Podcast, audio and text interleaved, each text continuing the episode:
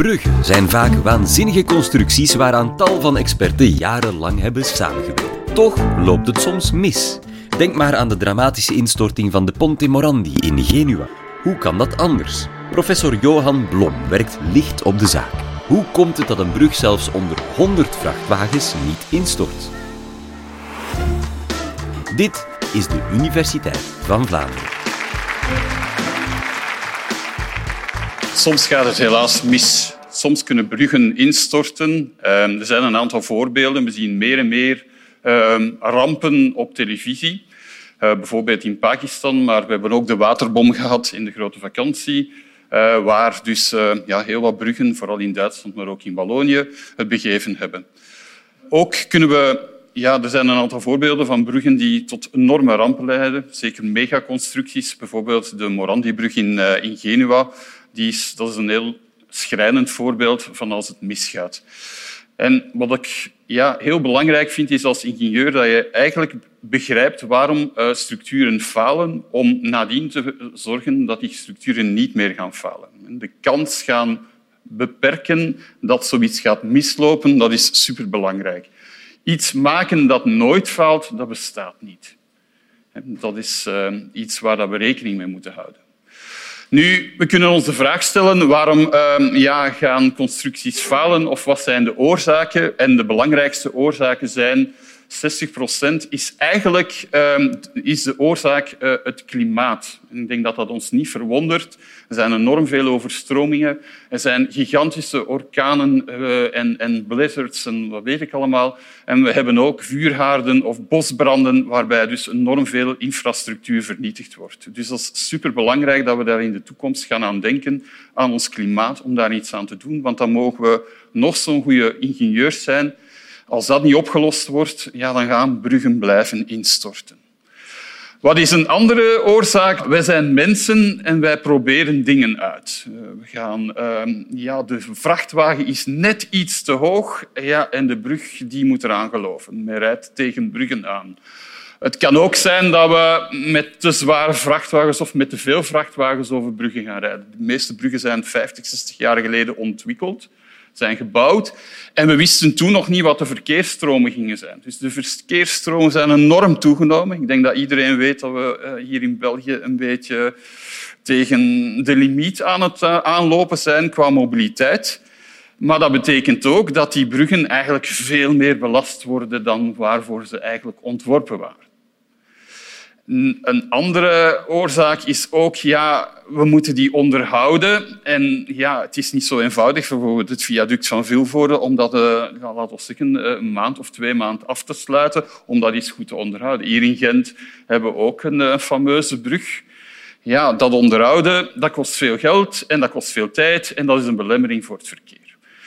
En dan heb je natuurlijk ook nog ja, een brug wordt ontworpen en dan wordt die gebouwd en soms gaat daar iets mis mee.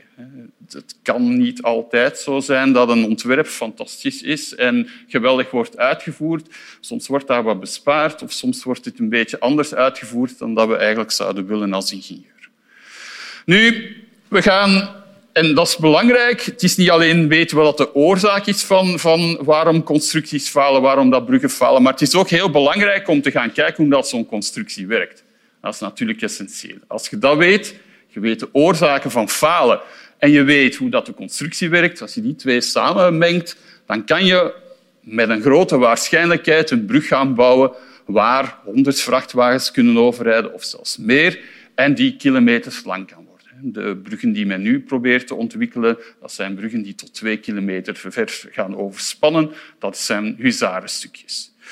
Nu, de eenvoudigste brug, en dat was eigenlijk ja, helemaal in het begin, ja, de mens wou van één punt naar een ander punt gaan. En wat deed hij? Eh, ja, ik heb hier een, een, een stukje foam maar in het begin was dat gewoon een boomstam en men legde die boomstam van de ene kant naar de andere kant en men kon uh, zonder nat te worden of zonder opgegeten worden door de krokodillen van de ene kant naar de andere kant gaan.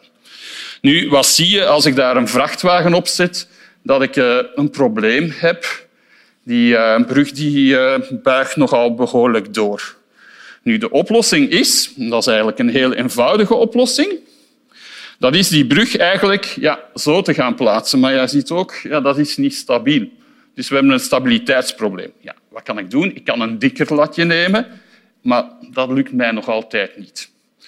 Dus ja, stabiliteit is één ding. De brug moet stabiel zijn om er te kunnen overrijden. Als die niet stabiel is, ja, dat is niet zo handig. Hè. Als ik een boomstam leg, dan moet ik al zo gaan balanceren. Dat is niet eenvoudig. Twee boomstammen naast elkaar of drie boomstammen naast elkaar, dat is al wat eenvoudiger. Nu, wat hebben de ingenieurs gedaan? Die hebben nagedacht en die hebben eigenlijk... Ik heb die twee gecombineerd. Dus ik heb mijn balk genomen en ik heb er een ribbetje onder gekleefd. En dan ga je zien, als ik dat erop leg, dat ik mijn probleem van stijfheid, want dat is de stijfheid, dat ik dat heb opgelost. En dat ik er nu heel eenvoudig al twee vrachtwagens kan gaan opzetten. Ik kan zelfs nog een beetje verder gaan. En ik ga bijvoorbeeld drie vrachtwagens erop zetten. Dus je ziet, door daar een klein ribbetje onder te plaatsen, krijg ik al een heel of een veel betere constructie, een veel performantere constructie. Nu, zo die vorm aanpassen, dat noemt men de morfologie van een brug. Dus dat is de vorm van een brug, de morfologie, en dat is de dwarsmorfologie. Als we die aanpassen, dan kunnen we dus eigenlijk de performantie, de draagkracht van de brug verhogen. Nu, er is nog een ander probleem. Als ik nu al die vrachtwagentjes er ga opzetten, ja, dan gaat er op een gegeven moment... We hebben dus de stijfheid, we hebben de stabiliteit, maar we hebben ook de sterkte. En dat betekent, ja, op een gegeven moment gaat het materiaal gewoon begeven en dan breekt het. Dus als we iets ontwerpen, hebben we eigenlijk drie grote pijlers waar we moeten aan rekenen. Dat is de sterkte, dat hangt af van het materiaal. Hoe sterker het materiaal, hoe resistenter de brug is. De stijfheid, dat betekent hoe soepel mijn brug is. De doorbuiging. Het is niet zo comfortabel dat je over een brug moet rijden waar je zo hm, eventjes omlaag en omhoog gaat. En we hebben de stabiliteit. En dus die wiggelende bruggetjes over uh, zo van die canyons, dat is heel plezierig, maar hm, het is toch niet zo echt aangenaam. We kunnen ook, en ja, als we kijken naar die balkbrug, dan is er eigenlijk iets heel belangrijks. Je gaat kijken eigenlijk, en als je dat ziet, dan heb je eigenlijk...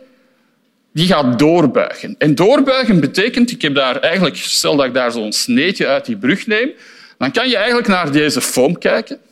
En als je dat plooit, dan zie je dat die lijntjes bovenaan, die lijntjes bovenaan die gaan dichter bij elkaar komen en onderaan gaan die lijntjes uit elkaar getrokken worden. Dus de vezels bovenaan in mijn constructie gaan bij elkaar gedrukt worden, de onderste gaan uitgerokken worden. Nu, dat is vervelend voor materiaal. We kennen materialen die heel goed druk opvangen. Steen bijvoorbeeld, gewoon ongewapend beton. Staal kan heel goed trek opvangen. Nu zijn er een aantal heel intelligente mensen geweest die gewapend beton hebben gemaakt. Onder andere hier in Gent hebben ze daar nogal wat uh, pionierswerk gedaan, in voorgespannen beton dan. En men is eigenlijk tot gewapend beton gekomen. Dat gewapend beton dat heeft wel één nadeel. Want als je beton gaat trekken, dan ga je eigenlijk ja, scheurtjes maken. Dan gaat dat ijzer of dat staal bloot komen te liggen. En staal en zuurstof die gaan oxideren, oxide zet uit en je krijgt eigenlijk betonrot. Ja, en dat gaat maar door en door en door. En op een gegeven moment heb je geen trekwapening meer, gaat je brug ook weer instorten. En het is dus heel belangrijk dat we dat ja, corrosieproces stopzetten voordat het eigenlijk te laat is. Nu, er was iemand, een, een, een fantastische wetenschapper. Uh, dat was uh, kunstenaar, wetenschapper, zo'n beetje een, een uh, duizendpoot. En dat was Leonardo da Vinci. En die heeft eigenlijk een, een brug gemaakt die eigenlijk alleen maar op druk werkt. Dus heel deze brug, als je die zou ontleden, dan werkt die eigenlijk alleen op druk. Nu is er wel één probleem. Je moet zorgen dat die twee zijkanten eigenlijk heel zwaar zijn, want als ik daarop druk, ja, dan gebeurt er iets vervelends. Die brug die gaat gewoon uit elkaar schuiven en die stort gewoon in. Dus eigenlijk spat die brug uit elkaar. Nu, er is een oplossing voor. En we zijn ingenieurs, dus we gaan nadenken. En uh, een van de oplossingen is dat we terug onze balkbrug nemen. Dat is hetzelfde uh, balkje als voordien de gewone eenvoudige balkbrug zonder rib. Maar we gaan daar nu een, boog onder plaatsen. Dus we plaatsen die boog daar gewoon onder, ook in dat heel dun materiaal. We leggen die balkbrug er bovenop En nu gaan we kijken, nu kunnen we daar weer een heleboel vrachtwagens gaan opzetten. Dus je ziet weer dat we eigenlijk onze constructie... Je ziet al onmiddellijk een probleem. En dat probleem, dus die boog is heel slank en die is belast onder druk. En als we iets belasten onder druk, dan krijgen we dit effect en dat noemen we knik. Dus als we die een beetje dikker zouden maken, dus als we daar een iets dikkere boog zouden onderzetten, dan zouden we dat knikprobleem niet krijgen. Dus een slank voorwerp dat we onder druk belasten, dat gaat knikken.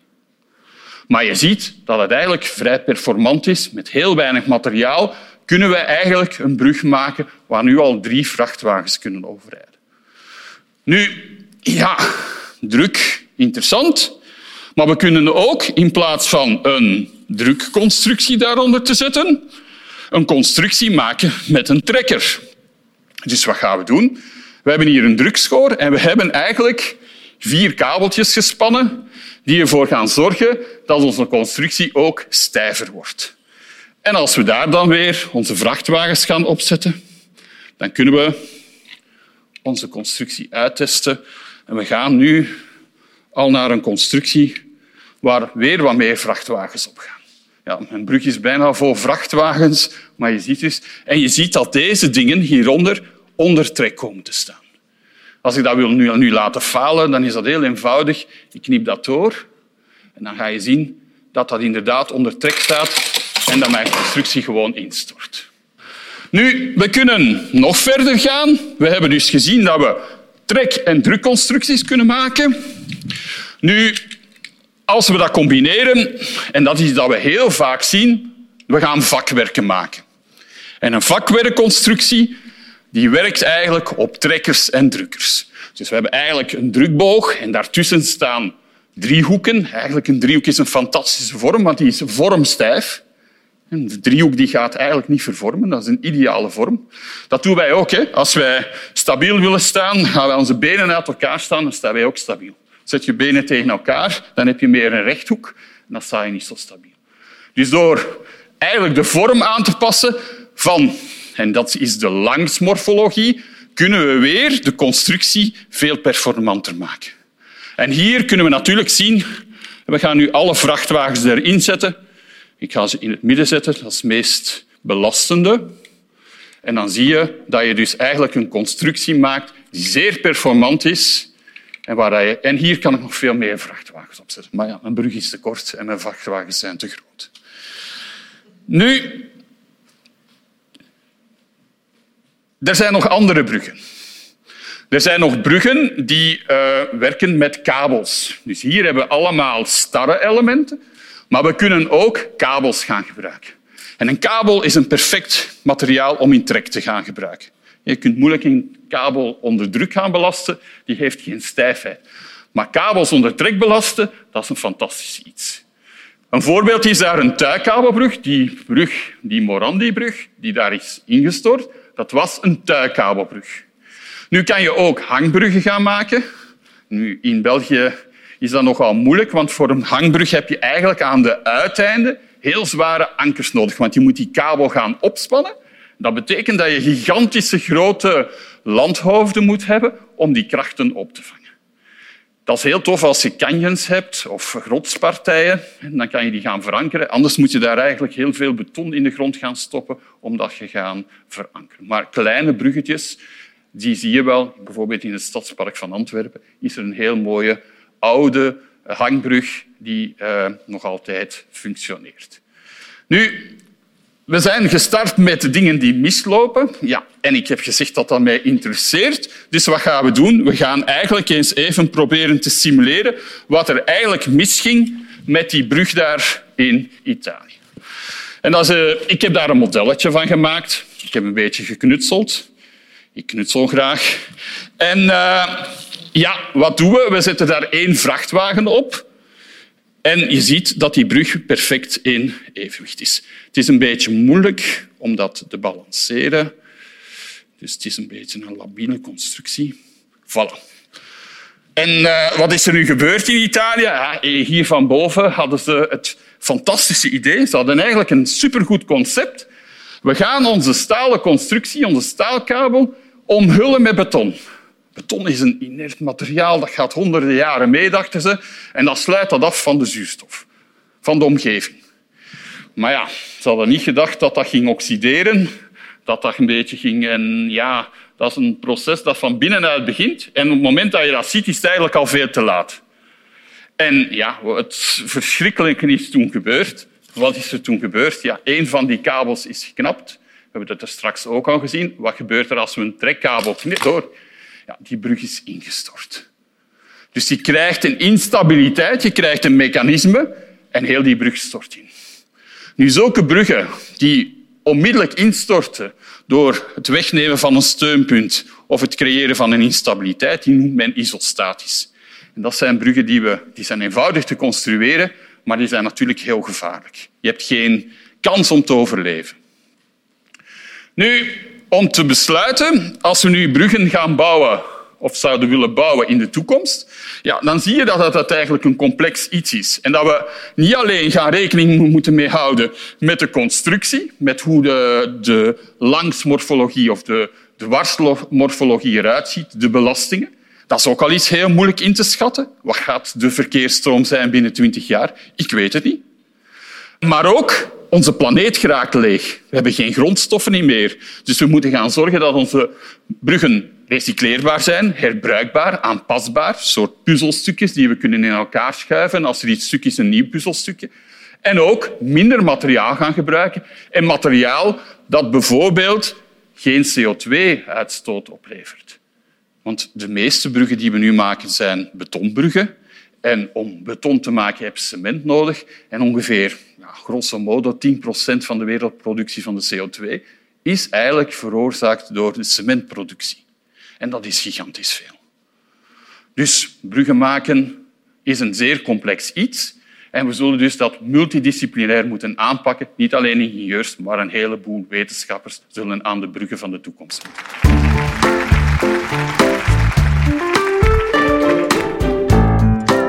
Vond je deze podcast leuk en heb je zelf inspiratie voor een onderwerp of voor een spreker?